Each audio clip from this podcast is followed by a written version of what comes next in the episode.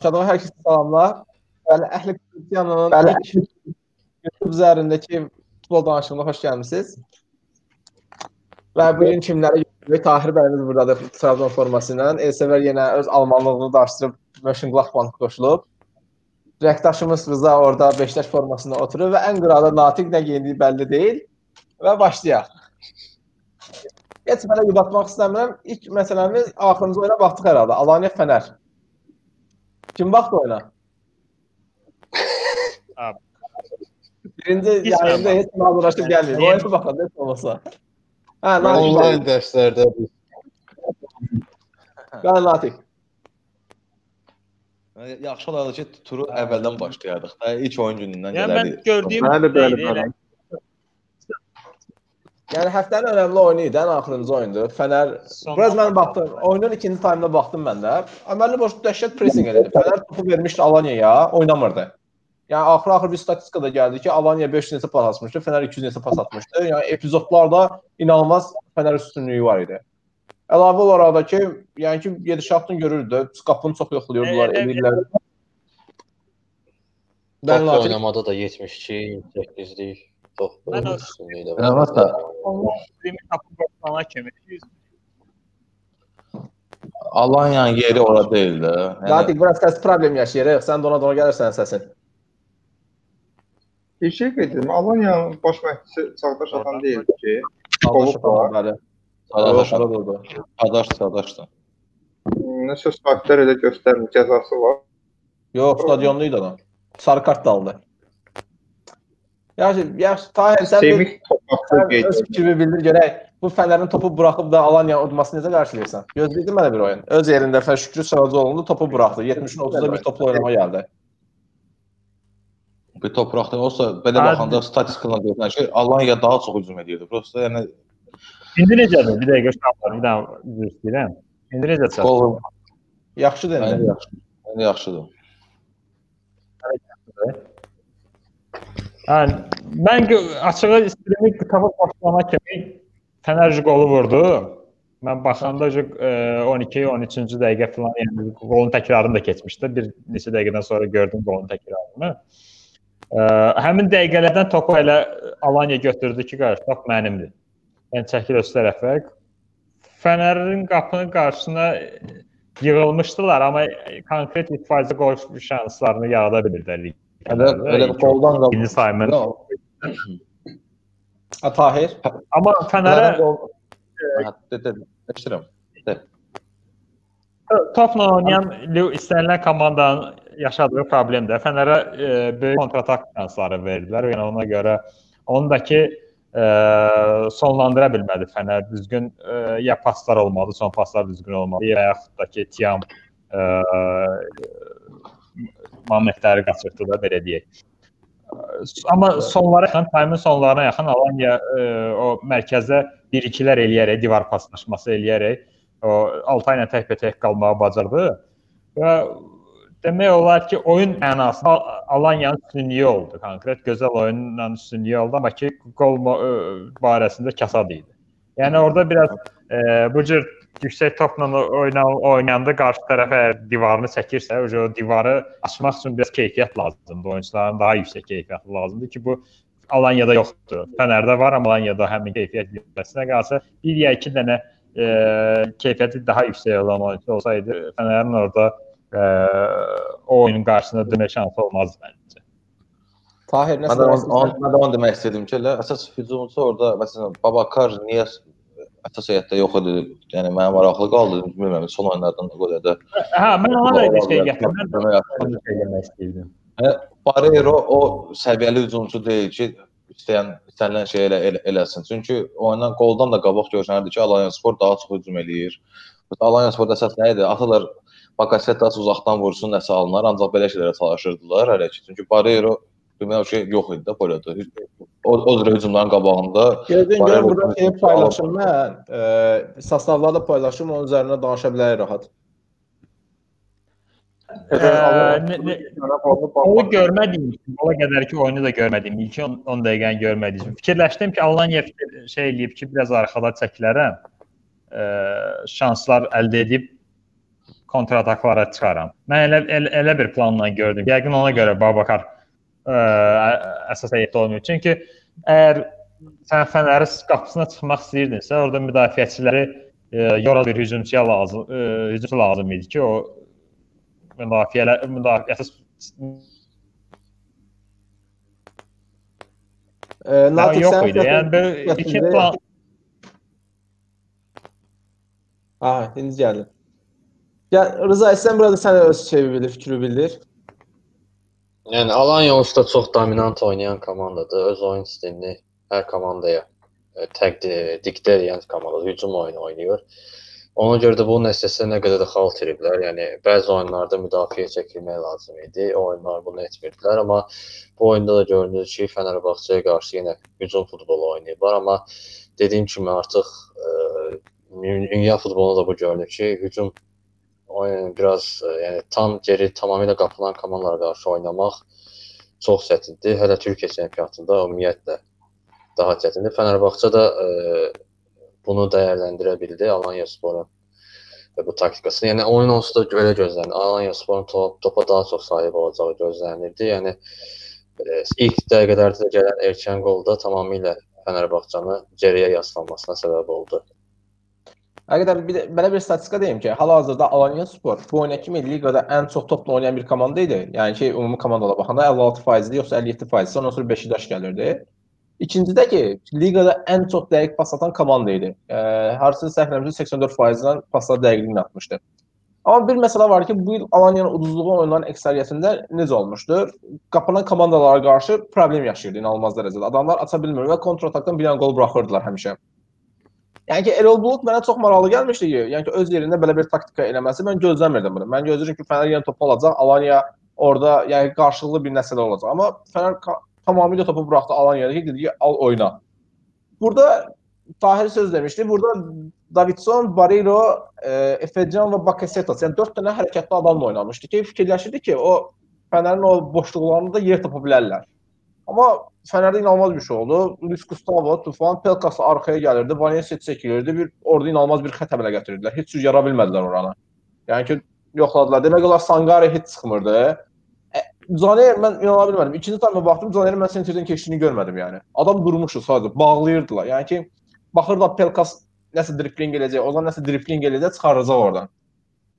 Həqiqətən fərqli. Biraz Rıza düz deyir. Sinan Gümüşün də qol bilmirəm. Özü həqiqətən fikirləşdi vurdu. Yoxsa topu qaldırdı ora getdi. O qədər mən bacarıqlı ol- oyunçu olduğunu düşünmürəm onun. Yəni Yox, yox, bunu fikirləşdi vurdu. Mən açığı o qolla sürpriz oyunun gedişatını dəyişən bir qol hesab eləyirəm. Çünki Sinan Gümüş elə qolları vuran usta olsaydı heç seriyadan geri buraxmazdı. Ə, bu elə bir ki, ə, Fənərin o türklər demişkən əkməyinə yağ, yağ sürdü də o ə, yəni könlündən istədiyi o idi ki, bir qol olsun tez bazar ki, mən arxada rahat çəkilim otur, otum kontrol ataklara gələ bilim. Yəni Çünki o qol- qola qədər yəqin ki, qarşılıqlı ə, tərzdə eyni tərzdə on gedəcək. Biraz o sahib olub, bu biraz bu sahib olub. Bəlkə eləncə bir oyunu gözləyirdi Alanya komandası, amma ki tez qol Fənər üçün göydən düşmə oldu. Buradan- qola qədər Alanya Spor çox sıxmışdı Fənərə. Əməl başda üstünlük qurmuşdu qola qədər. İlk 10 dəqiqədə çox gəlirdi. Bir dənə qolla oyunu Fənərbağçı istədiyi yö- yönə çev- çevirdi. də, Ancaq belə deyim. Hətta yəni Fənər üçün göydən düşmə oldu da. Yəni dedi ki, "A, istədiyim yer idi, yetirdi Pərverdigar." Qol oldu da rahat tam sıxıldı da qapıya. Ay, ya, ümumiyyətlə Alanyanın düşüşü davam edir Süper Liqada. Yəni çox yaxşı başlamışdı inanılmaz dərəcədə. Davam, davam eləyəcək məncə. Çünki komanda ə, belə nəsə belə deyim, ə, əks hücuma həmişə verir, ə- əks hücum həmişə buraxır. Gedir hücuma arxanı saxlaya bilmir. Məsələn, gün zərbələri zamanı hansı komanda gün zərbəsi özü gün zərbəsi qazanır. Topu yaxşı itirdilər, çox. Topu götürə bilmirlər. Rəqib rəqib komanda indi qol da vurmasa belə çox təhlükəli bir hücum yarada bilir. Yəni belə-belə hər oyunda bir dəfə, iki dəfə belə səhv olandan sonra da qabağa getmək çətin olur. Burada Elsəvərdə mən bir şey ünvanlamaq istəyirəm. Elsəvər, yəni ki biz bəla söhbət edirdik ki, Alanya topu oynayan komandadır. Yəni ki böyük klubların əksəriyyətən böyük oynamaq istəyənlərin fikri budur. Bu il biraz Türkiyədə trend var. Yəni ki başda gələn komandalardan biri Qaziantepdir. Qaziantep də tamamilə topu buraxan bir komandadır və liqanın baxmayaraq 5 yaşdan sonra ən çox gol vuran komandasıdır. Ümumiyyətlə indi sən Avropa futboluna daha e, çox baxırsan. Yəni bu trendi nə qədər istifadə edilir? Yəni ki bir komandanın sırf bir trend üzərində davam eləməyi və ya qarışıq oynamağı hansı daha düzgündür? Əslində Qaziantep e, Qaziantepin baş məşqçisi Marius Sudumika e, Türkiyə Süper Liqasında e, Türkiyə Süper Liqasında artıq qaydaların necə olduğunu, necə oynamağın lazım olduğunu, uğur əldə etmək üçün hansı taktikdən istifadə etməyini çox yaxşı bilir. Neçə illərdir Avropada ümumiyyətlə də e, topun meydanda qalma statistikasına görə Türkiyə çempionatı ən aşağı yerlərdədir. Ya oyun 55-60 dəqiqə top meydanda qalır maksimum. Daha çox yavaş futbol oynanırlar. E, Bu səbəbdən də e, Türkiyədə uğur qazanmaq istəyirsənsə, yaxşı müdafiə xətti qurursan, əks yüzündə da yaxşı oyunçuların olur. Necə ki, Kevin Mirallası transferli və Aleksandr Maksim var, iki dənə sürətli ayaq ya hücuma meyli yanında müdafiəçilər var. Yüzündə da öz istəklərini çıxa bilirlər. E, Alanya Spor isə yəni Kumo Babakarı qeyd elədi Tahir. İtaliya çempionatında Fiorentina-dan xatırlayırıq onu. Yəni əsas heyətdə niyə oynamayıb? Halbuki e, Fənərin müdafiəsi yarmaqda köməklik göstərə bilər. 71-ci dəqiqədən daxil olub yeganə golda olur Alanya Sporda. Yəni, Qolu düzdür. Mən Babakarın üstünə yazmazdım. Bir penalti oldu. Orada Sadıq Sadıqın üstünə. la lazımsız yerə bir itələdi. Orada rəqibinin penal oldu. Yəni orada Babakarı xoş olmadı bu. O Babakar gecikmişdi. Yəni mənə deyir ki, ki yəni, komanda iki top, ikinci topu buraxmağı gözlədi ki, Babakarı salsın. O biraz düzgün deyildi. Və sonda və Fənərlə yekunlaşdırmağı düşünürəm. Mesut Özil transfer olundu. Onun haqqında fikirlər Təbii ki. almaq istədi. 67 nömrəni seçib. Nəyə görə seçib Tahir 67 nömrəni? Çox qəribə- Zonguldakın seriyasıdır. Ha, demişdim də Zonguldak kömürə gələcək. Əslən Zonguldaklıdır da. Hə, Zonguldaklıdır. Yəqin ki 67 oranı seriyası olar yəqin ki. Uğur qazanacaq siz yoxsa pul qazanmağa gəlib hadi digər məşhur futbolçular kimi. Mən be belə deyim. Özil Fənərdə çox iş görər. Çünki Özilin zədəsi mən belə elə də ciddi problemləri ol olmurdu. Həm də Türkiyə futbolu asta futboldur. Yəni yəni Mesut üçün rahat olacaq orada. Rahat oynaya biləcək. Bir nəfəsə Fənərin mən bir şeyini bəyənmirəm. Komanda düzdür. Heyət çox genişdir. Hər yerə oyunçular var, amma bunun bir dənə mənfi cəhəti odur ki, komanda oturuşmur etdir. Çünki hər dəfə məsələn Gustavo yanında hər hər oyun başqa adam oynayır. Məsələn, hücum xəttində hər dəfə başqa-başqa adamlar oynayır. O komanda heç otur oturuşmayacaq. Yəni, o sistem düzgün sistem deyil. Yəni, oyun sayı çoxdur deyə mənim heyətim geniş olsun. Hamının yerinə oyunçu olsun. Amma ki onun gələcəyi yoxdur. Çünki komanda bir oyununu ikinci oyun oyn oynamır. Artıq ikinci oyun təmiz başqa heyət, təmiz başqa oyun planı. O məncə elə elə uğur qazanmaq çox çətin bir şeydir. Yaxşı bir şey sö- demək istəyirəm indi hamı ünvanlayır. Məsələn Fənərin son oyunlarını görürük. Adamlar yəni Başakşehir və Alanya kimi sınaqlardan yəni utdular. Yəni burada xal itirmədilər. Yəni Fənər belə davam edə bilər, yəni ki, komanda artıq oturuşub, yəni Erol Bulutun deməyinə görə. Yoxsa düşünürsən yenə harasa axsayacaqlar. Yəni yox, oyunçuların gücü hesabına oldu. Bir də bir də yəni özünüz də gördünüz, özünüz də dediniz, Sinan Gümüşün qolu kimi. Məsələn, belə epizodlarla hər şey eləmiyorlar. O da dav davamlı olmaq çətin məsələdir. Komandanın Galatasaray ilə Beşiktaşla əsas köklü klubları deyək də, oyunlarda ax axsadığını hamı görürdü. Yəni Digər oyunları kimlərdəndir? Qazianteplə oyn oynayanda Fənərbağça sürətli komanda qarşı heç nə eləmədi komanda. Fənərbağça onda heç nə eləmirdi. Başakşehir oyunda da Gustavo'nun qırmızısı o verilsəydi. yəni ba ba ba Başakşehir oyunu heç saymaya, Başakşehir oyunu açıq-açıq hakim hakim verdi oyunu. Çünki orada iki dənə mənasız qırmızı verdi Başakşehirə, ikisi Rafael heç də eləməmişdi, götürdü, sarı, etirazın qırmızı, dalınca İrfan Cana mənasız Bu kartlar. arada həmin qırmızı. hakimi sataşdırdılar, ya yox, mən çox maraqlıdır. Ee, bir həftə ondan sonraki həftə oyun vermədilər. Daha sonrasını bilmirəm. Kim idi orada hakimdən baxaq istəyirsiniz. Fahrettin Şimşək idi. Oradan. Yəni buradan mən izləyim. Görək. İki dənə Kuryoskal olublarla bağlı hələ. Ha, Bahattin Şimşək idi. ona. Çempionatında İkisi də Sonra iki oyunda şey verilmir onlara. Oyun verilmir Bahattin Şimşəkə. Axırıncı hə. Yaxşı keçək Qalatasarayında. Düzü Ya, Fənərbağça. yaxşı. Galatasaray bəli. Bunun əvvəlinə Galatasarayda qayıda. da İrfan Can'ın xəbərləri var. Fənərdə Qalatasarayda da İrfandan söhbətləri var yəni. Deyirlər Cagne Cagne 5 milyon verib şey almaq istəyir. Amma Cagney də yəni Cagney öz səhifəsində paylaşım etmişdi də. Gör gördünüz də mənim gülməyim gəlir. Nəsə belə fason bir şey yazmışdı. Yəni bu xəbərlərə gülməyim gəlir kimi. Instagram hesabından story paylaşmışdı. Pis atır. Yəni Juventusdan gözləyir, yəni Manchester gözləyir. Qalatasarayın oyunu da keçək. Galatasaray bu həftə ilə uduzdu. Artıq burada mən şey paylaşım. Prostavlar Biraz rahat. sevi- sevinçlə qeyd edirsən bu tarix yeni usulda. Ya əslində Fənərbağçanı özündən qabağa buraxdı. Yəni Galatasaray mən o özü üçün də Fənərbağçanı sevirəm, də Galatasaray sevirəm. Yəni görən gözüm yoxdur ikisində. Amma son hadisəyə görə nə qədər nifrət eləsən də Galatasarayın Fənərin üstün olmağını daha çox istəyirəm. Son son hadisələrdən sonra. Əsasında Alekot Alekot gələndən sonra ümumiyyətlə Fənərin çökməni gözləyirəm. Burada bizi istəyən Fənər və Fenerbahçe Galatasaray videonun özlər. Konya Spor da maraqlıdır. İsmail Kartal. Üçüncü dəfə Vay. də 3 böylə məğlub edildi Bəli, bu sezon. əməlli başlı bu il Türkiyə liqasında o giant killer deyirlər də. O çoxdur. Ştumidika 3-ünü də tutdu. Yəni düzdür. Şumidika o bir oyunlarda nəticə alır, amma Konya Sporun digər oyun qələbələri 10 nəfər qalmış komandalar qarşıda bu maraqlıdır. Aa, Yəni- o inanılmaz yəni ki, Beşiktaş Fener və Galatasaray 3-ünü tutdu. Yəni hamısı da eyni taktika ilə oldu. Maraqlısı da oldu. Eyni oyun taktikası ilə. Yəni mənim üçün bu oyunda ən yat, ən maraqlı bir şey oldu ki, ə, penaltidən Uğur Dəmirov gol vurdu. Və bu gün Uğur adamı göndərdilər. yəni, Trabzon və həmin Uğur Dəmirovun bir sözü var idi. Trabzonspor Galatasaraydan sonra demişdi ki, keşke hər hər həftə Galatasarayda oynasaq da şampion olsaq. Yəni bu adam yenə yenə gol vurdu Galatasaraya, yenə Galatasaray yutdu. Sözünü şeylədi burada. Hə, deyəsən Qalatasaraya gələcək Uğur. Yox, o Galatasaray, Trabzonspor Galatasaraydan sonra o vaxt bu sözü demiş ki, keşke hər həftə Galatasarayla oynayaq, çempion olaq. Hə, elə Trabzon, sıraya düzürdü də, hər, hər Galatasaray hər oyunda udurdu. Amma deyəsən həmin sezon Galatasaray çempion olmuşdu da. Yəni Trabzonsporun çempion olmağı dəqiqdir. Yəni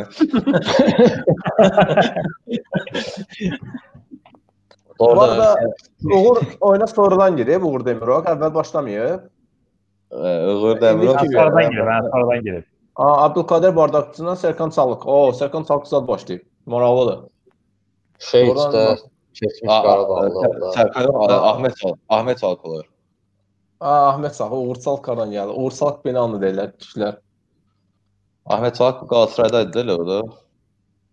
Məndə Qalatasaraydan Qalatasarayın yetirməz. Mən baxdım dedim nəsə bir penal zad eləyər bu. Sonra gəldim yox. Penal kimi nədir bilmirəm. Çox biraz penal epizodu necə sizə görə? Tahir. Dinləsin penalı. O məncə hə, çox qəribə gəldi mənə. Linus yalandan yıxılmaz. bu Norveçli deyən adam tərəfini tutmalıdır. Natik sən baxıb da baxdın oyuna, bildirə Yox, yox. Ya mən da? izmanına baxmışam, oyunun özünə baxmamışam. Ona görə Orada belə deyim də yıxılmağa meylli getmişdi orada. O hazır idi, hər an yıxılmağa hazır idi orada. Ya adam penalı aldı da görür ki şey var özünün hattında xaldı dayan kimi. Hə. O, bax indi dediyin sözlə razıyam. Mən gördüyüm epizodda gördüm ki, adam pe penalı aldı, yəni fürsətdən istifadə elədi. Aldı. Ha, bu gün Valensiyanın söhbəti eyni oldu da. Yəni ki topu çox atmışdı qabağına amma qapısı çıxdı, toqquşdu və penal şeydə gözlənilən idi. Hə, hə. Hardasa elə. Sonra belə mən- bir ligdə Qalatasarayın problemləri elə heyətlə bağlı kifayət qədər problemləri var. Bir tərəfdən də ki Fatih Terim həmişə kimi cəzasını alıb belə deyil. Kənardadır. O o oyuna kifayət qədər təsir eləyir. Qalatasaray vəbşə düzəməli e, sol bek tapmalıdır. Gələn sezon məsəl üçün Sar Saraç icarədədir, geri qayıdacaq. E, Ömər Bayram orada da oynamır, amma yenə də oran o müqaviləsi bitməyəcək. Əmrə- Daşdəmirin də e, müqaviləsi bitməyəcək. Yəni amma heç biri hazırda 3 dənə o mövqeyin oyunçusu sayıla biləcək oyunçu var, amma heç biri e, yəni lazım olanı verə bilmir. Məsələn, Yəni- mən sizə Qalatasarayın problemlərindən birini deyim də. Məsələn, heyətdə baxın, müdafiənin 4-ündə Fatih Terim oyundan çıxardıb. Və bunların yerinə mən böyük ehtimalla kim girib? Saraçı Emre Taşdemir, Babel girib, Şener girib, və Kərəm Aktürkoğlu. Ya bura Fatih Terimin son dəqiqələrdə olan bir şey var. Adam götürür nə qədər hündür boylu oyunçusu varsa qabağa atır və arxadan mümkün qədər uzun paslarını nəsə axtarmağa çalışırlar. Yəni ki, bu taktika yəni 20 il əvvəl, 20 il deməyim 10 il əvvəl, 15 il əvvəl idi. Yəni ki, komandalar, yəni ki, bunu eləmirlər. Ay vur sən burdan nəsə qabağa bir top düşəcək, nəsə eləyə biləcəksən. Yo, yo, o, Keçən o, oyun o, Ya oyun o tipdə deyildi. Galatasaray əksinə ə, yenə də topa yerli yerləri nəsə eləməyə çalışan bir şey idi. Yox, son elə- dəqiqələrdən söhbət edirəm mən. çox böyük son, səhv son etdi. dəqiqələrdə də yəni elə deməzdim. Mən nə Problem? Luizama hələ də formasını yığmamağındadır məsələn. Yenə də məcbur oldu ki, onu oyundan çıxartsın məsəl üçün. O bu ucu problemdir. Bəlkə də sən deyəni eləyərdi Donkora göndərərdi. Həmişə Donkora göndərməyi xoşlayırdı bu adam, amma onu eləyə bilmədi. maraqlıdır ki, 3 dənə 3 oyunçunu dəyişdi. Demək olar ki, arada dəyişdi də. Yəni məna yox idi. Yəni müdafiəni hücum atan adamda Luyendama'nı çıxartıb Babeli saldı. Yəni sonra dalınca da qoldan sonra Fənər öz baraqlı ilə Muhammed Aktürkoğlu orada nə edəcəkdi mənə çox maraqlı idi. Yəni o, o, o, o dəqiqələrdən sonra. Hə ümid var idi ki, 8 dəqiqə artırıblar bəlkə elə şans olar, amma ki o yəni oyunun son 2-3 dəqiqəsində ümid bağlamaq yəni düzgün bir şey deyil məncə. Mən misal ümid deyildi. ya, Onlar bir e, enerjiləri qısarmış oyunçular idi. Çıxartdılar çölə ki, Bax bir də misal deyim, nə Beşiktaşla Kayserispor keçən həftəki oyunu var idi. Adam Beşiktaş 89-da gol vurdu. Mən baxıram oyuna. Gəldi, nə bilim 80-lərdə idi, 70-lərdə idi. İndi mən gözləyirəm ki, nəsə hücuma bir oyunçu atacaq da. Gəldi, güvəni çıxartdı, kimisə saldı və Dalizadan götürdü, sentrdən şeyi çıxartdı. Josef idisi, Atiba idisi, ikisindən biri idisi. İndi mən gözləyirəm ki, Oğuzhanı qoyacaq ona. Adam Necibi buraxdı, Sergen. Mən inanılmaz əsəbləşdim. Nə deyim, mən komanda hücuma getməlidir. Gol vura bilmir. Necib nə əlaqədə? Sonra Sinan Yılmaz var. Türkçə yaxşı şərhçilərindən biridir. Əgər imkanımız olsa dinləyin onu. Belə bir misal deyir. Deyir ki, müasir futbolda əgər sən o baskını qurmusansa, mümkün qədər komandanı orada saxlamaq lazımdır. Deyir, Necib də onlardan biridir. O ortaya saxladı və davamlı Beşiktaş yenə ayrıca hücumlu eləməyə başladı. Ayağa pas ataraq, ataraq, ataraq bir yerdə yoxlayırdı ki, Beşiktaş hardasa bunlar səhv buraxacaq, biz birini vurarıq. Əsas o ki, buraxmayaq. Galatasarayda necə idi? Bütün hücumçuları atır qabağa, arxadan top edir və xeyli kontra atak buraxırlar. Yəni ki, Kara Gömrükə hələ buraxdı. Burada Kravets hələ vurdu. Yəni ki, bu bir cür, yəni müasir dövrün tendensiyası deyil də, kontra atak ancaq Almaniya deyil artıq. Yəni hər bir ölkə ki, kontra atakı necə oynamaq lazımdır bilir. Yəni ki, bu oyunçu göndərməklə deyil qabağa artıq. Yəni xüsusilə Türkiyədə bunun artıq mütəxəssisləri var. Yəni komandaların tek taktikası o Anadolu futbolu deyilən şeydə əsas elə o kontratak. kontratak oynayırlar da, bütün hamısı kontratak oynayır. Nə. Yəni də bütün komandanın da tipik oyunçusu da o sürətli oyunçular olur hamısında. Özdə An- Anadolu Səqət Fənərbağçı deyərdim mən. Ömrü boyu elə meyilli olublar elə şey. Bir şey bildirmək istədim. Mənim üçün maraqlı Anadolu. Aha. Anadolu klublarıyla böyük böyük klublar arasında, 4 böyük arasında fərq var artıq. Artıq, artıq yoxdur. artıq yoxdur. Artıq yoxdur. burada məncə Yəni. əsas müzakirə olunması odur ki, Fərq çoxdur. Niyə yoxdur ki? Maliyyə futbol anlamında bütün Alikot sərvətini çəkib oyunçu alır da. Beşiktaş oyunçu ala bilmir, pulsuz oyunçu axtarır. Galatasaray eyni pulsuz oyunçu axtarır. Ya, mən bir şey deyim də. Amma Yaralı, yaralı, yerimə toxundunuz. Mən də Fərq nədir? Fərq odur. Pul, hə, hamısında var, ala bilirlər, hə, ayrı var, düşdük. Amma ki, İstanbul klublara fərqi. Məsələn, Beşiktaşın bu bir iki həftə, bir, bir həftə ona qabaq ki, məsələn, out epizodu kimi bir epizod. Trabzon başına gəlsə 100% out, avra out olacaqdı. Bara baxıb out verəcəkdi. Ay nə bilim, üz dönüş mü dedilər, nə dedilər ora. Və yaxud da e, Fənərbağçı Başakşəhər oyununda olan hadisə heç vaxt Trabzonsporun e, xeyrinə, Göztəpənin xeyrinə, nə bilim, yerdə qalan nə o komandalarda və sözü Anadolu komandaları onların xeyrinə heç o, o dərəcədə səhv olmur heç vaxt. Bir oyunda oyunu hakim götürsün, versin. Məsəl üçün al- oynayır Fənərbağçı ilə, məsəl üçün belə deyim də, indi Hayır, çox üzr istəyirəm. An- Antalya Spor. Hayır, çox Onu bir hakim oyunu Antalya Spora verməz, amma Fənərbağçıya verər. Bir də belə bir şey. Mən soruşmadım, ya sən dərdi dedi ki, nə? Yox, mən fərqi, fərqi, fərqi dedim də, yəni Amma məsələn tutaq ki, Fənərbağça dəyişik, ya, dəyişik necə bir fərqdir Türkiyədə. Hərzə. 5 xal ya 10 xal qabaqdadırsa, yəni Antalya Spor oyunda oyunu Antalya Spora verərlər ki, intriqa saxlasın. Türkiyədə buna çox meyil var. Ki intriqa Hə. sona qədər davam etsin. E, varı da ona görə istifadə edirlər ki, o intriqa qalsın. Düzdür, bəzi Var- komandalar neçə ildir o qədər pis vəziyyətdə ki, o intriqa da olmur. Hə, Türkiyədə də orada. var varın Türkiyədə istifadə olması qədər belə bir zəif, mənasız istifadə heç yerdə yoxdur herhalde. Yəni bu xərcdir. təkrara baxırlar, yenə də düzgün qərar verə bilmirlərsə nəyə lazımdır burada? Marius mən də keçə bilərik. Artıq növbəti pul olmasa, növbəti 4 beyimizə Trabzonspora keçə bilərik. Ard-arda qələbələr qazanır Abdullah Avcı. Al Messimi başlayır Trabzonspora. Çempionlar Trabzonlar Bir şey qalmayıb, yavaş-yavaş gəlirlər. Hə. Yəni belə deyim, də Trabzonsporun Növbəti qələbəsini qazanır, Şalının qələbəsini qazanır. qələbə qazandı düzdür, amma yəni oyuna baxdım, yəni belə deyim də Abdullah Abdullah Abdullah Avcı da oyun taktikası budur, amma ki Trabzon indiki heyəti ilə belə baxanda Trabzonspor oyuna baxmağa adamı məcbur edəcək heç bir şey yoxdur. Mən onları səmtə sual vermirəm. Trabzonsporu izləyirəm də keçən mövsümdə özün də bilirsən. Uğurcanın səbəbkarlarından biri də mənəm bəlkə də. Bu e, transfer marketdə də izləyirəm də mən bütün transferləri. Çox xahiş edirəm. Bu futbolçular kimdir? Nə vaxt alındı bunlar? Nə vaxt siyahıya düşmədi? Necə bu Canli kimdir? Hardan alınıb? Marlon kimdir? Hardan alınıb? Edgar T kimdir? Bu hardan alınıb? Edgar Ed, Ed, Edgar'ı yaxşı dedi. Baker, Baker tanıyıram, Chelsea heyətə düşə bilmədi. Sonra Vitesse icarəyə verdilər Hollanda Hə, çempionatına. hə. Nə gəlib gəlib düşübsə. Farklı da oynadı.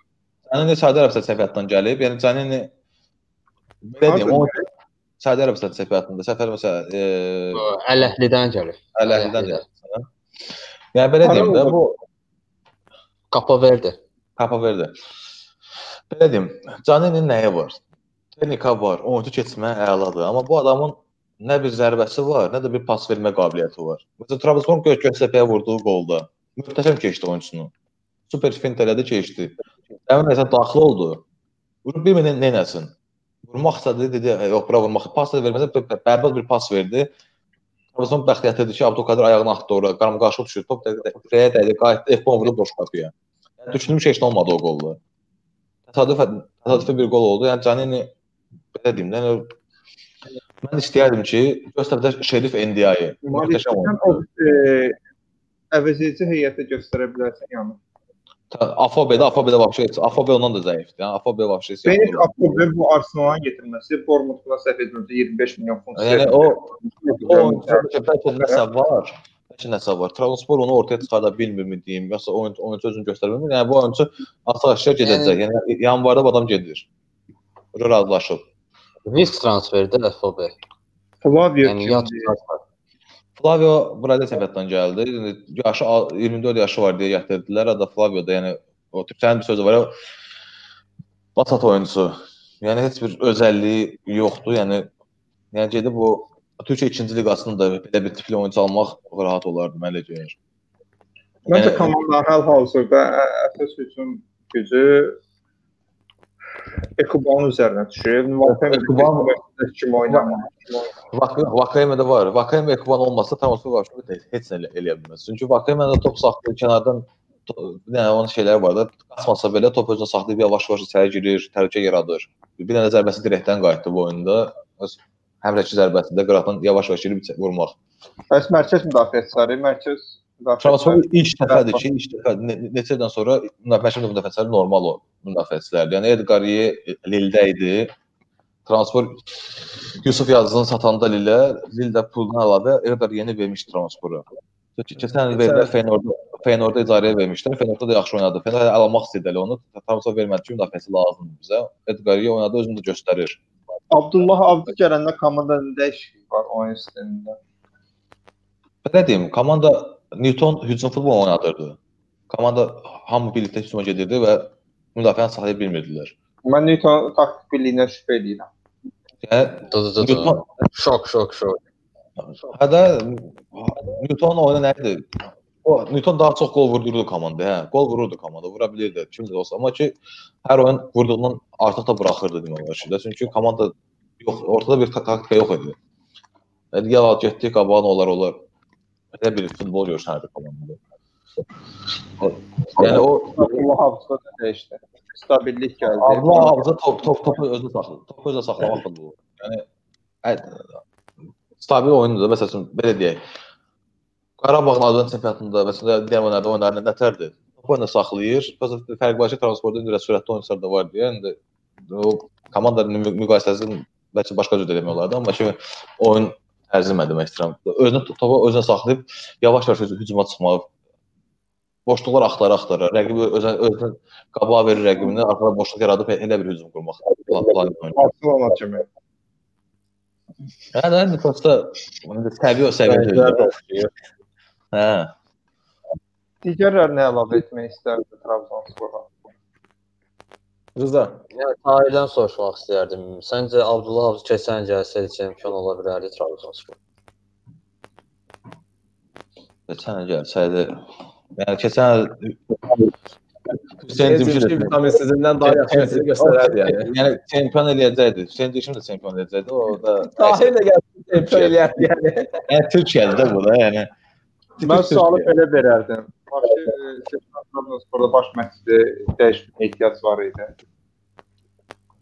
Ünal Karaman vaxtında yoxsa Hüseyn Çeşmin? Bəli, bəli, komanda gedirdi öz üstündən. Ünal Karaman vaxtında ehtiyac, ehtiyac təbii ki, ehtiyac yox idi. Aydındır. Öyle değil. Türkiye futbolu hem seçim. Mən Hə, Türkiyə Yaxşı. futbolu. Tahir, bir şey deyim sənə. Bəs indi hal-hazırdakı Trabzonun əksik tərəfləri nələrdir? Yəni nədə problem yaşayırlar bu komanda? Sən daha çox izləyirsən, yəni Trabzonu. Mən də oyuna baxmamışam. Belə deyim də Abdullah Avcı'nın əlinin altında normal heyət olsa çox şey eləmək olar. Çünki Trabzon oyunçuları çox zəif oyunçulardır. Yəni hücum nə deyim, Göztepe oyna məsəl üçün deyim. Şerif Ndiaye Göztepe'də bütün epizodlarda öz bədəni hesabına topu rahat alırdı, təhlükə yar- yaradırdı. İdeya Brown indi az tanınıb, ta- tanınıb. Şerif Ndiaye o möhtəşəm oynayırdı. Məsələn, Canini onun kimi bir oyunçu deyil. Ona da zəif oyunçu. milyon? Ya, necə? Neçə milyon dedin ya? Trabzonsporlu. Trabzonsporda Canini Göztepe'dəki Şerif Endiyaydan çox Hə, zəif hə. oyunçudur. Onu onu mən mən demək istəyirəm. Çünki Canini yəni adi bir Ana Anadolu f- komandası, bəlkə ikinci liqa komandası hücum tipli bir şeydir. Şerif Endiyani Göztepe Goritsadan nətər tapıb, kim axtarıb tapıb onu çox halal olsun. Çünki Goritsadan idarəyə götürüblər. Yəqin ki, qalar oyunçu.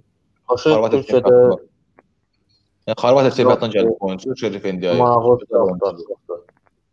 Hə, Trabzon bəxtli gətirdilər. Son dəqiqələrdə İdeya Brown yaxşı zərbə vurmuşdu. O da Uğurcan öz keyfiyyətləri hesabına topu çıxartdı. Onun onu da elə qutardı. Yoxsa topu top qap qapıya keçsəydi şansı yox idi. Heç çox qıracaq. Bəyənmədiyim şey odur ki, yenə deyirəm, bu oyunçular zəifdir. Can hücum hücumçular hər ikisi də zəifdir. Nə Afobe, nə Canini, Plaza da var. Plaza ümumiyyətlə heç oynatmırlar. Nəyə gəlmiş öz bilmədi. Bir də tırnaqlar məsələn. Məncə Trab Trabzon Trabzonda böyük problemlərdən biri 6 nömrədə hal-hazırda. ha. Yəni ki, məncə orada stabil bir adam tapa bilmirlər. Yəni ki, oynayan adamlar da oran almışdılar.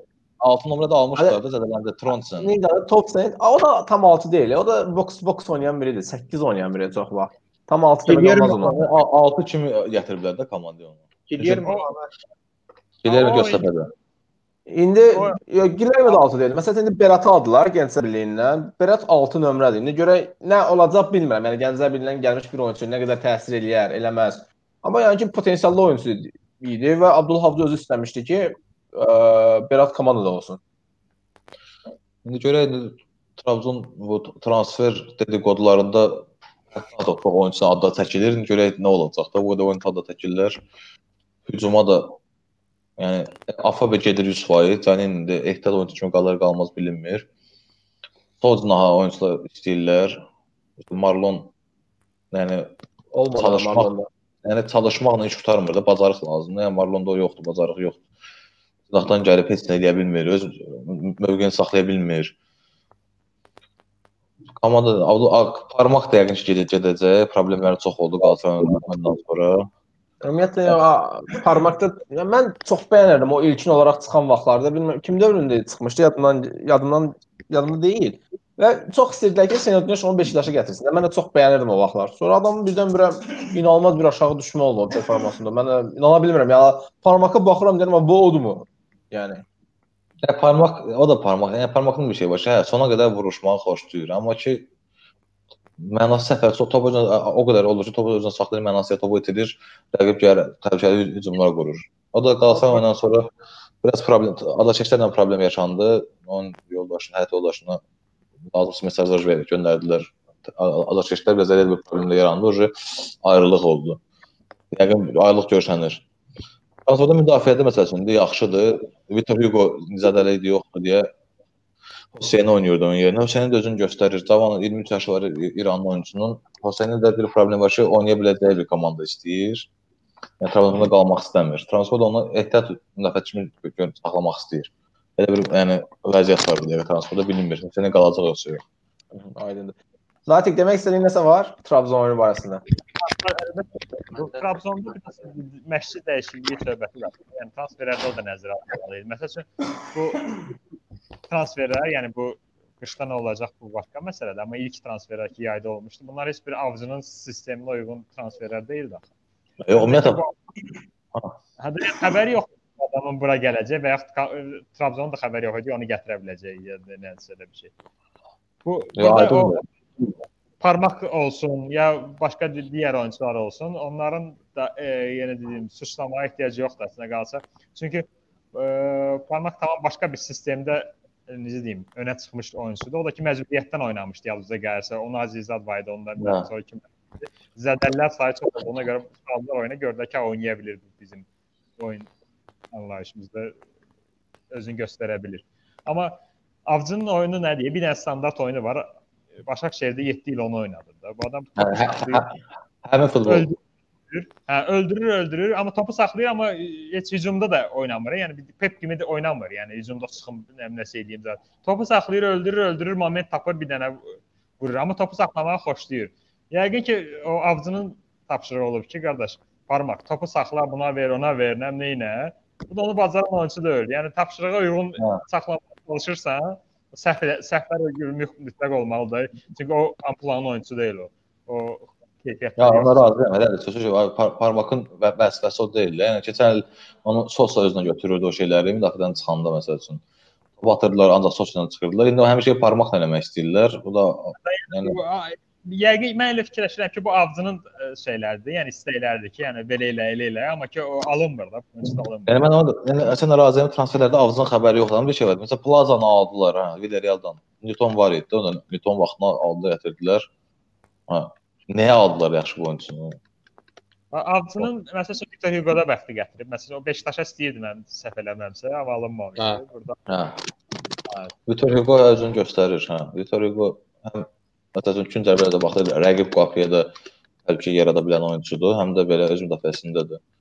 müdafiədə bir da və topla hərəkəti yaxşıdır, yəni. Hə, Ed Edgar Edgariyə də o şeydə yaxşıdır. Edgariyə topu həsə götürüb o Lucian bir vaxt o çıxışlar olur deyə topu götürüb birdən bir meydan mərkəzinə keçmək. Və Edgariyə də o o şey o xüsusiyyəti var, eləyə bilir onu. Son sual da verim mən Trabzonsporuna cəbləri və Uğurcan Çakırda vəziyyət necədir? Transferlər Orhan Takırı e, bir dedikodu var ki, Deni Rosu istəyir Trabzonspor Tottenham'dan. Rosun da müqabilində belə bir şey bilər ki, Ros e, e, Ros gələcək Trabzonspora, Uğurcan gedir Tottenham'a və Tottenham'a da biraz da pul, pul da ödəyir. Belə bir dedikodu var. Yəni Yəni bu da dedikodudur. Yəni nə qədər real olacaq, olmayacaq o zaman göstərər. variant deyil məncə. Mən Hə. getməzdim şəxsən. Loris əvəzi rəis olaraq. Yəni Loris Joe Hart da var. Yəni Zohart artıq yoxdur demək olar ki, qapısı kimi. Yəni o Zohart Mən Uğurcanın yerində olsam Avropanın orta top klubuna gedərdim ki, əsas heyətdə oynayım. Məsələn Sheffield xəbəri çıxmışdı. Sheffield yaxşı olar. Yaxşı Sheffield-ə getməyib belə. Qızlar. Bəlkə Sheffielddə biraz şey aldılar. Ramsdale aldılar. Ramsdale-dəki yazıq nə eləsin tabii. Komanda komanda da öyle gələncədən vurur. Ha, mən bir dənə Trabzon haqqında bir şey yekunlaşdırmaq istəyirəm. Bəli. Trabzonda Uğurdan Çakırdan çox mənə ən zövq verən, mənə heyecanlandıran oyunçu Serkan Asandır. Adam inanılmaz dinamikdir sağ tərəfdə.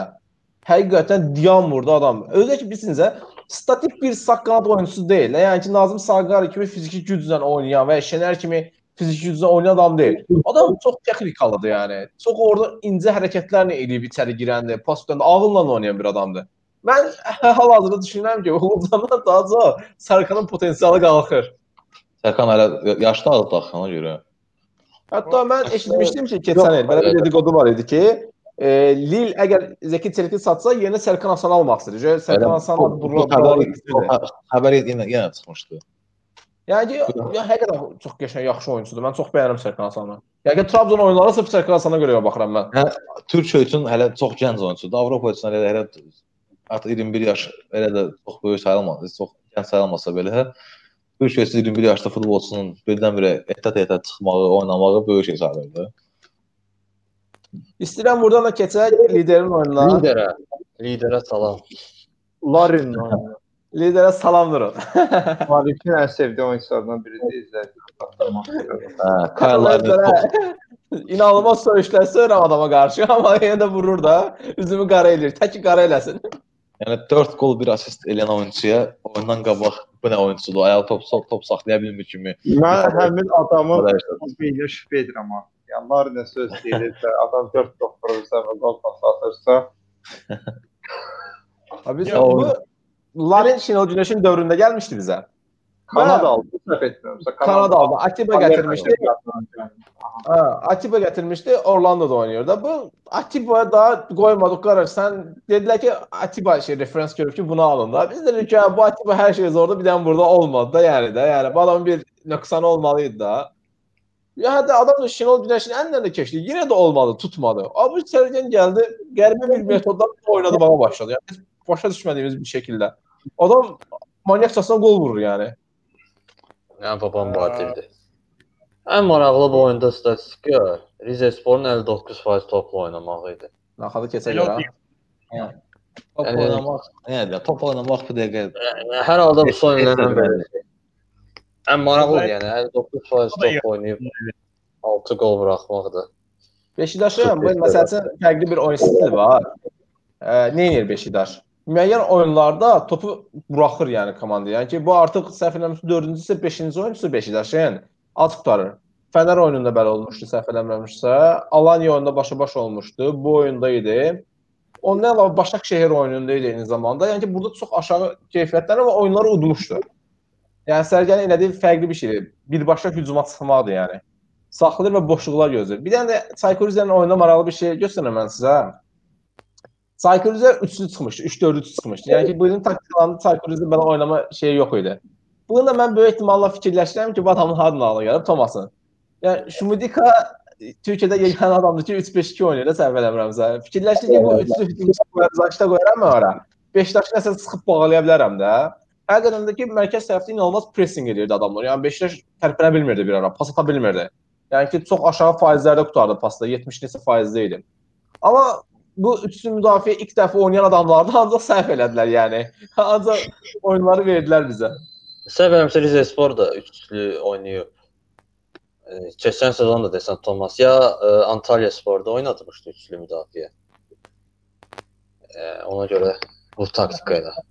E, e, Rize'nin öz oyunçuları o sistemə uyğunlaşmalıdır. Üçlüyə keçmək asan məsələ deyil. Bu həmişə Real Madrid belə e, Zidane tətbiq eləmişdi. O Marcelo ilə şey qab- qabağa çəkib 3 dənə mərkəz müdafiəçi ilə oynamağı alındıra bilməmişdi. Keyfiyyətsiz oyunlar olmuşdu. Sırası 3 oyundan sonra vazgeçdi o fikrindən ki, yox da alınmır da, yəni. Bunun sezonun əvvəlində sistemə oturub məşqlər eləməlisən təkrar-təkrar. Bu ə, Sərgən Yantalın haqqında bir dənə şey var. TRT-də gördüm oyundan sonra təkrar paylaşmışlar müsahibə zamanı. Deyir ki, ə, Larin o golləri atacaq deyir. Larin gol atır, deyir o təsadüf deyil. O arka direyə gələcək, golları atacaq. Yəni adamlar sistem istəyirlər ki, ə, bu biri ön öndə müdafiəçiləri məşğul edəcək, bu arxa direyə tərəf meylənib qollarını vuracaq. Yəni tipik olaraq santrafor ə, şeyində təlimatda da orada özünü göstərə bilmir. Bu Sərgən də keyfiyyəti görüb də qardaş. Deyir ki, cinahdan qaç, gəl mərkəzdə də göz mərkəzdən gəl boşda qol, işi gör. Bu elə bir ki biz bir növ siz bu əvvəllər Fənərdə elə tip oyunçular çox olurdu. Yəni Qalatasarayda əlbəttə elə bir şey görməmişik. İndi hazırki vəziyyətdə E, Kane-lə son necə oynayır? Kane məşğul eləyir, aradan paslarla, zatlarla çıxardır, son tap tap tap vurur da qollar. Yəni konkret ikinci hücumçudur. Cinahda olmağına baxmayaraq, amma konkret ikinci hücumçudur bu. Çox vaxt elə görürsən ki, elə mərkəzdədir, elə meylləri mərkəzdə, mərkəzdən qaçır. Məncə oyundan danışmağa dəyməz əgər oyun 6-0 qutarıbsa, gəlin Beşiktaşdan danışaq. Yəni Mən də Beşiktaş onu demək istədim ki, Beşiktaş nə edəcək? Nə nə edəcək? Mantıq isbat Mən, elə. e, Mən Sərcana çox inanıram. Futbol şəhərlərində adam biraz futboldan kənar işlərlə məşğul olsa belə, istərsən futbol ağlı var, futbol zəkası var. Yəni Bir o məşqçidə olmasa da, taktik biliyi zəif ola bilər, amma futbol zəkası, futbol ağlı olması ilə bağlı məncə heç birimiz şübhə eləmirik. Hüseyn, sən Tam özünə futbola da versə, mən inanıram ki, uğurlar əldə edəcək. E, Hüseyn Sərginə inanmasa da, e, məncə ən ən düzgün addımlardan biri ki, Beşiktaşın başına sizə Sərgin. nə sual verə bilərəm Hüseyn? Ver, ver. Bu Sərcan at yaşdan başqa yəni belə futbol şeylərinə mərcələnmir. Beşiktaşın qələbəsi. Nədən qorxuram? Mən məsəl üçün 10 xalqa baxdı, sona 4 tur qalıb, ikinci ilin çempionluğa pul qoyuşub, so. ikinci il çempion oldu, hamısını Yox, Sərgən həqiqətən biraz pula gedib transfer elədi. Sərgən biraz fərqli bir şey var. Mən adamda o dərəcə iş etikası olacağını düşünmürdüm heç vaxt. Mən biraz, yəni bu danışırdı, yəni efirə çıxdı, elədi, o ses Türkiyəyə getdi, elədi. Mən həmişə düşünürdüm ki, və bundan çoxlu statlar gətirdilər. Bu harda üzrsən söz soxur, eləyir, cəmaatla məzələnir. Bunun bir dənə atarlı sözü olur. Onu götürüb qoyurlar başlığa. Amma adam işində son dərəcə professionaldır da, yəni ki, ən xırda detallarda fikirləşir yəni Beşiktaş haqqında. Yəni ki, mən heyran qaldım ki, bu adamlar belə bir professional bir insan çıxa bilər də futbol şeyində. Yəni məşqçi kimi. Həqiqətən fərqli bir adam oldu. Məşqçi kimi tamam fərqlidir. Mən həqiqətən təsəvvür eləmirdim. onu. Pandemiya var, heç yerə çıxa bilmir ona görə. Mən şəxsən o NTV Sporda ə, oyunları şərh edərsən 2012, 2013, 2011-ci illərdə, əvvəllərdə. Yəni həqiqətən futbol zəkası çox əla idi. Və qeyd edirdi mən bu futbolçu oynatmalıyam. Yəni, futbolçu ilə bir uğraşmayın. Bu futbolçular lazım deyil. O Beşiktaşda da elədi. Məsələn, futbolçulara şans verir, bir-iki oyun o özünü doğrultmuşsa heyətə salmır. Belə bir şey var yoxsa Beşiktaşda var. Yəni ki, biraz sərgənliyi var biraz. İnatçılığı- belə oynatmır. Məsələn, Rıdvanı saldı, Rıdvan özünü ucu doğru. Yo, biraz inatçılığı var adamın. Yəni ki, istər istəməz həmişə yəni ki, bir məqsədidir. Aldırdığı oyunçuları oynatmaq istəyir həmişə və özünün haqlı olduğunu düşünür, amma müəyyən bir nöqtədə alınmır.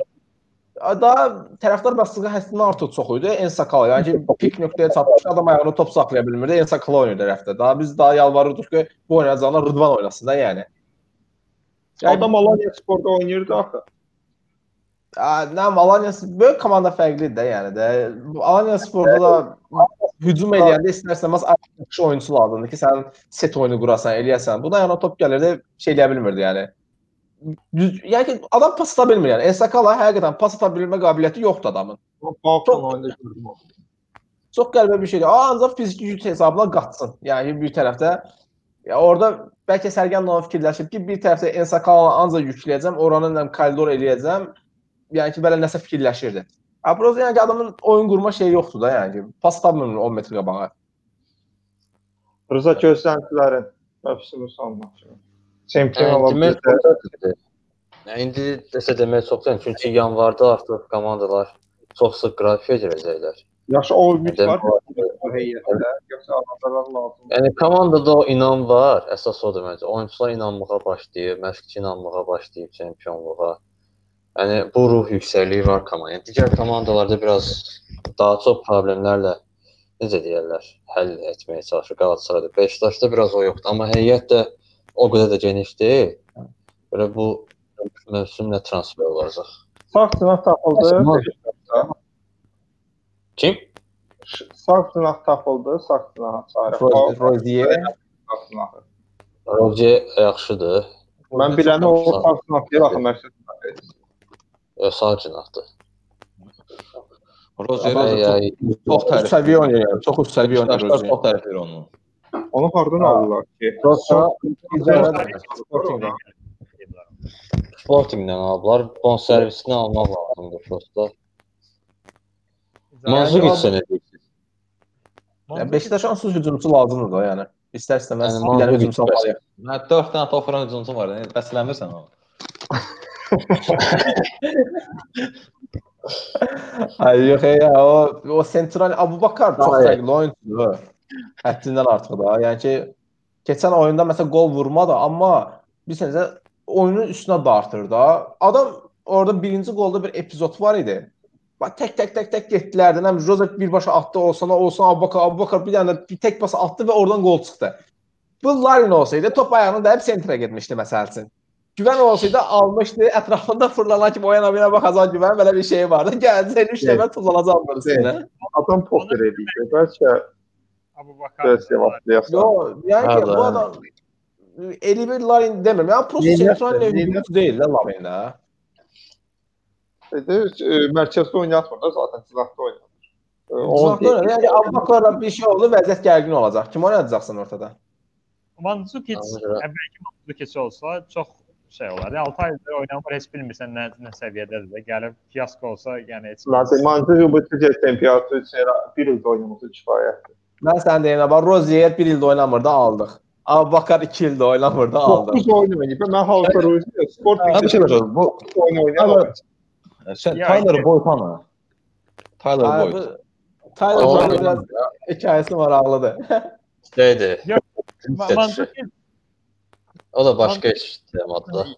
variantı faydalı olar. Necə Yəni, necə Natiq belə deyil? Deyirəm Manzukic hər iki oyunçu üçün də faydalı ola bilər. Yəni həm Larin əvəzləyə bilər, Larin tipli də oynaya bilər, cinahdan da oynaya bilər. Eee, Çünki o Juventusda bunu çox eləyib, yəni cinahdan oynayır. Juventusda 3-5 gün adam solunda oynayır. Deyə soldaşda kimi oynadırdı. Şey Allegri oynadırdı da səhv eləmirəmsə adamı. Bəli, bəli, bəli. 3-5 gün adam solunda oynayırdı. Adam istəsə onu da eləyə bilər. İstəsə Abubakar kimi mərkəz müdafiəçiləri də yora bilər. Yəni bunu da ki Bavariyada eləyib. Yəni adam hər ikisini bacarır. Yəni hər iki oyunçunu əvəz eləyə biləcək potensialda olan. yəni ona görə e, 55-in oyunçudur. Hə, Tyler Boyd Riza sən danış. Yəni uzun sözün qısası, yəni Boyd e, legioner limiti 14-dən çox idi Beşiktaşda, 18 idi. Sən 4 nəfər kənara çəkilməlidir. Onlardan biri də Tyler Boyd oldu. Digər Qısa, Belə bir məsələ var idi. O Lens idi, Douglas idi, Mirin idi. Onları bilirdik. İndi biri ən axırıncı var. Eşitmişəm.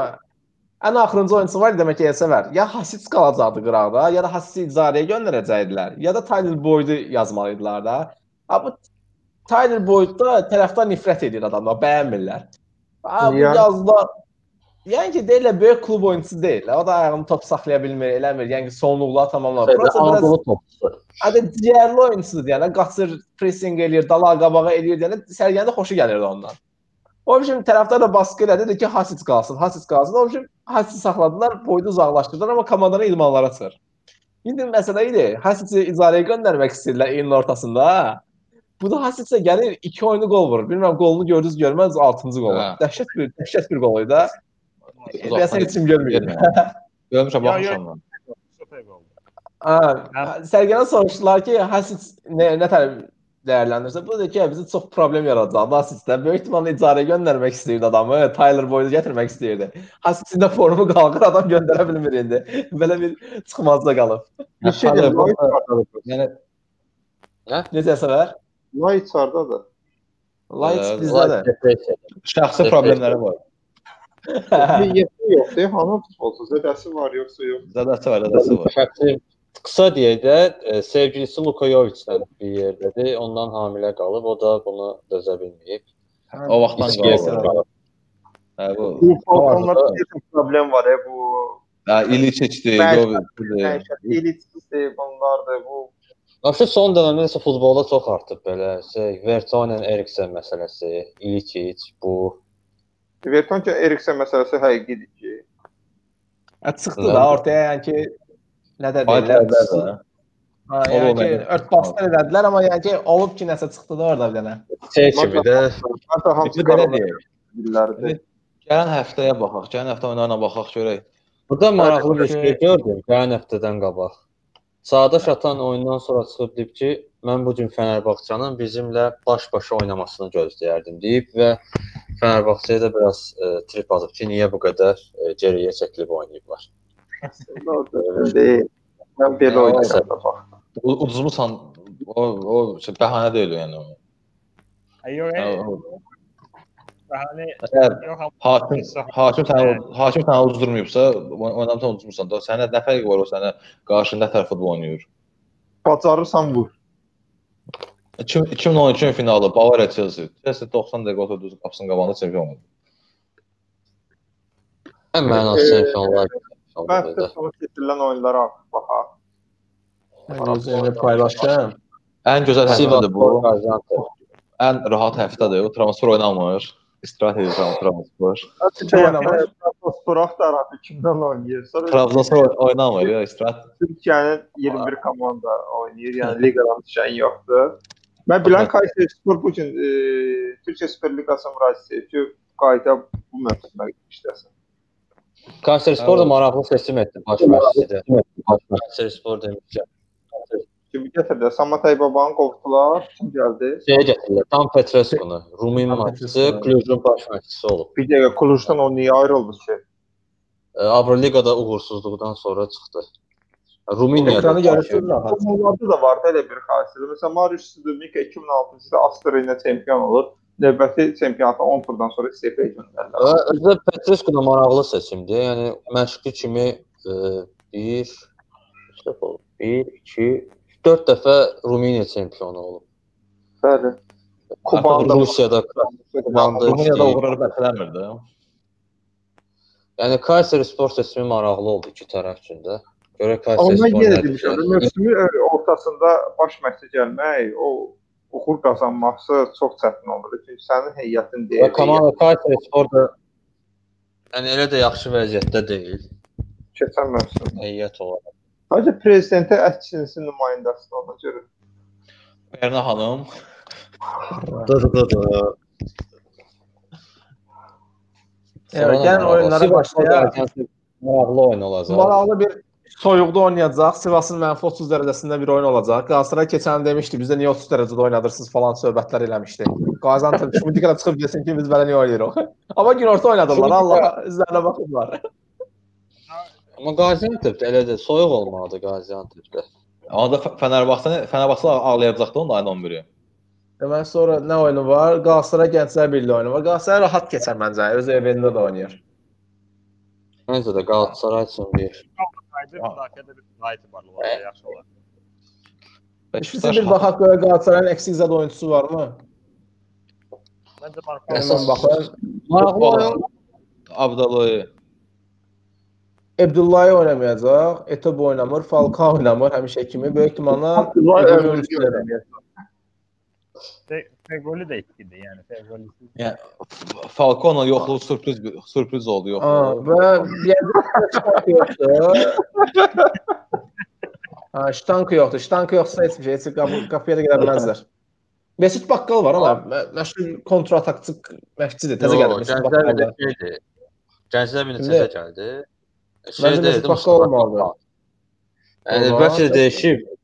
Amma Falcao Mən oyuncu bir şey iştirak edəcək. Mən sizə deyim. Necə?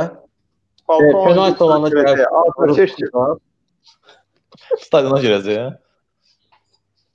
Yəni maraqlı oyun mən deyim də Erzurum Fənərbağçə. Daha bir soyuqda deyirsiniz, soyuqdan şikayət edənlər üçün maraqlı oyun olacaq. Erzurum ya Sivas Erzurum'un yanında heç də onu deyim sizə. Doğrudan. Elə olmuşsa elə danışsan ikisində də Ha. olmuş kimi danış. Düz deyirsən. Mustafa Kaplan. Məncə Erzurum daha soyuq. Erzurum Ər- daha sonra. Burada qış olimpiyadası İstəyirsən uşaqlar bir dənə baxaq da mən təşkil edeyim nə seçsin. Dən görə Erzurumda Yəni, hal-hazırda. belədir. Hal-hazırda Erzurumda mənfi 9-dur, Sivasda 1 dərəcədir. Hə. Bütün, bütün suallara aydınlıq gəldi bu bunun adı. bəs- Azərbaycanda başqa da yəni. Sən bilərsən, hava proqnozu olur, yəni. Əslində niyə çox böyük rol oynayır o. Yəni çox Sabah böyük hava- komandalar orada xal Sabah çevirlər yəni. havada. Yəni fikir vermisinizsə Fənərbağçanın oyunu olmağına baxmayaraq saat 8-ə salmayıblar, saat 5-ə salıblar. Hı. Yəni böyük komandalara əsasən salırlar, amma axşama salmayıblar. Sivas neçədir? Hə, o Sivasda 2-dədir. Sivasda 2-dədir. Hə, 5-də Hatay. Hatayla. Hatay mənə bu Sivasın stadionunda isitmə sistemi var. oynamaq. Təkdiriblər onlar. Yəni o problem deyil. Maralda Evet, Hatayla da Hatay'da. oynayır Beşikdə. Hatayda çox belə fərqli komandadır yəni. Bir dənə oyunçular var. Amma qapısı olmayacaq. Məsələn, Kim idi o? qapısı mənasız. Munir. Əsas qapıları ə, qırmızı Munir. kart aldı. Munir qırmızı aldı, hə. Mənasız yerə. Hatay istidir. Dərəcədir. Gəlib belə deyək də, şeydir. Məsələn, Kayseri Spor, Yeni Malatya Spor. Məncə Kayseri Spor uduzmayacaq. Valla Kayseri Malatya- hər oyun uza bilər yəni. Kayseri'nin hələ bir şeyi var. Yəni hər Bir oyun də Yuxarıdan bir bir bir oyunlar üstə gəlirdi. Hər öz proqnozunu deyərdi. Sən yuxarı qalxardın sən komanda Sivasdan başla. Sivas Gaziantep məncə məncə üst və Gaziantep rahat qalib olacaq. Üst olacaqlar Gaziantep qalib olacaq. Hə, buradan bərabərlik gəlir. Belə 90% bərabərlikdir yəni. Də Fikirlərdir. bir saat belə. Heç biri Ya qapıya gedə bilməyəcək. Belə ancaq Ya da ekstra bir- zaten yatıracaq. Elə gedəcək, kimsə axırda nəsə vurub 2-1 eləyə bilər. Ya mənə gəlir ki, orada hava şəraiti heç bir rol, rol oynamayacaq məncə. Qaziantep Məncə də, məncə də var. Yəni üst, məncə üst olacaq və Gaziantep qalib. Və məsələn Rıza Çalınbay nə edəcək? Gaziantep üçün. Göztepe Antalya Spor məncə Göztepe qazanacaq. Göztepe 5 oyunu pis oynayır. Yəni xalterlə inanılmaz dərəcədə. Yəni ki, İlham Antalya- Palut, Yəni, İlham Palutda olan məşqçiləri belə potensiallı məşqçi 42 yaş var. Super Liqanın ən cavan məşqçilərindən biridir. Yəni, yəni yəni iki, ikinci liqada Hatay Spordan gəlmiş səhv eləmirəmsə keçən il və çox qəşəng göstərmişdi özünü. Prosta yəni son 5-6 oyunda yaxşı deyillər. yəni Antalyada çox yaxşı deyil də ən azından. Antalyada Bu da yəni bərabərlik olar. Yəni bərabərlik əsas bu oyundan gözlənilir. İki dənə formda olmayan komanda düzdür, Göztepe bir yəni bir addım qabaqdır. Çünki Trabzonla son oyuna baxdım ki, komanda nəsə eləməyə çalışır ən azından irəlidə. Məncə, məncə bir addım qabaqda Antalyadır. Mən elə deməzdim çünki səfər çox belə formasını itirib. Antalyada bilinmir də Hataydan altdan buraxır son yer Qalatasaraydan aren tətər arenada 0-0 bərabərə qalır. Yəni çox belə bilinməyən komandadır. Avtobus yox, nə bilim qatar zət çəkib orada yatmaq idi. O başqa. Məncə Bu belə arada proqnozlarımız yaxşı olur. Növbəti buraxılışımızda. Bu arada uşaqlar gördüyünüz kimi bir XPT sponsor almışam şeyə. Amma görə ölçəvə də təbii ki. O orada Azərbaycan liqası da görürük. Kayseri Spor Yeni Malatya mən fikrimi dedim siz də düşünürsünüz səhv. Yeni Malatya. Məncə də Yeni Malatya. Kayseri udar. Malatya. Malatya odur Yeni məncə. məşqçisi var. Məncə Kayseri uduzmuyor. Malatya məşqçisi kimdir şey Rıza? Hamza Hamzaoğlu. Hamza Azam oyunu buraxmaz yəni. Petroşki biraz baxmaz olan. Galatasaray Gənclər Birliyi, Gənclər Birliyi son oyunları qazandı. Galatasarayda da Ya Galatasaray oyunu ayağına güllə sıxmasa bu oyunu rahat udar yəni. 3-0. Məncə də Galatasaray Yəni, da bu dəfə bu dəfə xal itirməyəcək Qalatasaray mənə görə. Hı. Məncə Ayıb ülfət yoxdur. Bir dəfə çox ekstremal bir şərait çıxıb biraz Galatasaray analizi dinləyərdik ondan. Ayıb Fatih Karagümrük əlbəttə ki, Bigliyə öndərliyində məşğul qazandı. Hani orta İsmail Kartallı Konya var. E. Amma Konya'dan gücü böyüklərə çatır. O biri komandalara Hə, hə, bir şey səfərdə də görmür. çox pis oynayır. Rıza. Tavaladın məni. O böyləyə çatır. Bu Kara gün udacaq. Qala Gümrükdə 3 oyunda 3 oyunda 4 oyunda. Karagümrük, amma Karagümrük harda oynayır görəsən? E, Olimpiya Axır- stadionundadırsa Axırıncı Beşiktaşda oynadılar. Gəldi Tahir görmür nədir? Vodafone fəth elədik Yo zaten. yo yo stadionu deyirəm. Onları Karagümrük. stadionda Stadionları Vəfa stadiondur. Olimpiya Olimpiya stadionundsa külək Yox, Hə, stadionları. Prosta Vəfa, Vəfa, ISO ilk şey çempion olmuş komandalardan biri də Vəfa.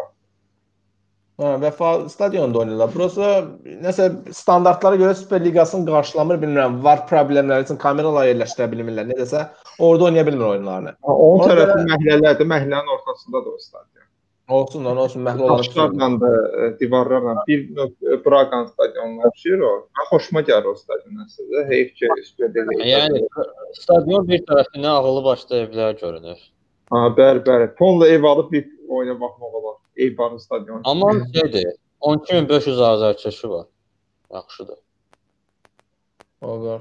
Sonra Burada Qara Gümrük Qaragümrüyə dəstəklər. Hamımız Qara Gümrük üstünə otururuq da, düzdür? Mən oturdum yəni bilmirəm. o- Mən. Mən mən çox rahatlıqla oturdum. Konya Konya udurmayacaq məncə. Okey, keçək. Ankara gücü Başakşehir. Başakşehir qələbə. Rahat Başakşehir'de de herhalde. Yani şey inanmıyorum buraya bir olsun. Hə. Karagümrük oyunu üstü olacaq məncə. Bu Başakşehir oyunu alt görünür. Gol sayı bilmiyorum. Əsasən nəticə olaraq nə fəqət olacağımızın. Yani kim etsin görüyor. Atalım Bir de buraya. bir- oyuncu geldi. Canlı. Rize Denizli tam ortada oyundu. Mən buna heç nə deyə bilmirəm. Rize'dən istəmək. Kim yox. Denizli, yani Denizli Meksita'da değişmişti. Şey getirmiştiler. Yalçın koşu kuvoku getirmiştiler. Türkiye'de bir iki tane terminoloji bilirdi yani adam. Böyle şey değil, half space sat diye bilir adam Türkiye'de. Ona göre şey deyirlər. Yaxşı məşqçi kimi baxırlar adama. Aa, adamlar ağzından düşmür. Half space, half space. Abəsdir də yəni. Bura görürəm ki, bu istəyir heç kəs fikir bildirə bilmir. Onun üçün mən də çox o- Beşiktaş məncə Larin hat-trick eləyir. Onların heç nə. Heç nə demək. Biz bir yerdə xal itirməliyik. Biz xal itirməliyik bir Elə yerdə. elə elə tam da burasıdır. Xal itirmən yeridir əsl. Hataya, Hatay. Və şey. Bir dənə məsələ yaddan çıxır. Bu Larin'dən başqa da 4 dənə gol var. Poker eləyən var. O da Hataydadır. Bu e, ligin Aa, bombardıranı. Bol Podriyazadır nədir? Antalya Antalya Sporun oyununda. Adam boy padri adam bak tapıb. Biz necə özəl. Larin kimi Zaşla səhvindən zaddan vurmur. Adam çəkir sağa 9-ğa vurur adam. Çəkir 9 o tərəfə vurur. Elə Yəni hər stildə adam gol vurur. Yenə Larin satıldı. Gabondan çıxan ikinci futbolçu kimi özünü şey eləyə bilər Aubameyangdan sonra. Bu Penza. Bu Adam Penza. yəni Bu Penza. Bu Penza. bu Penza da bak Pedro'nunsa. Gol gol. Erzurum Fener.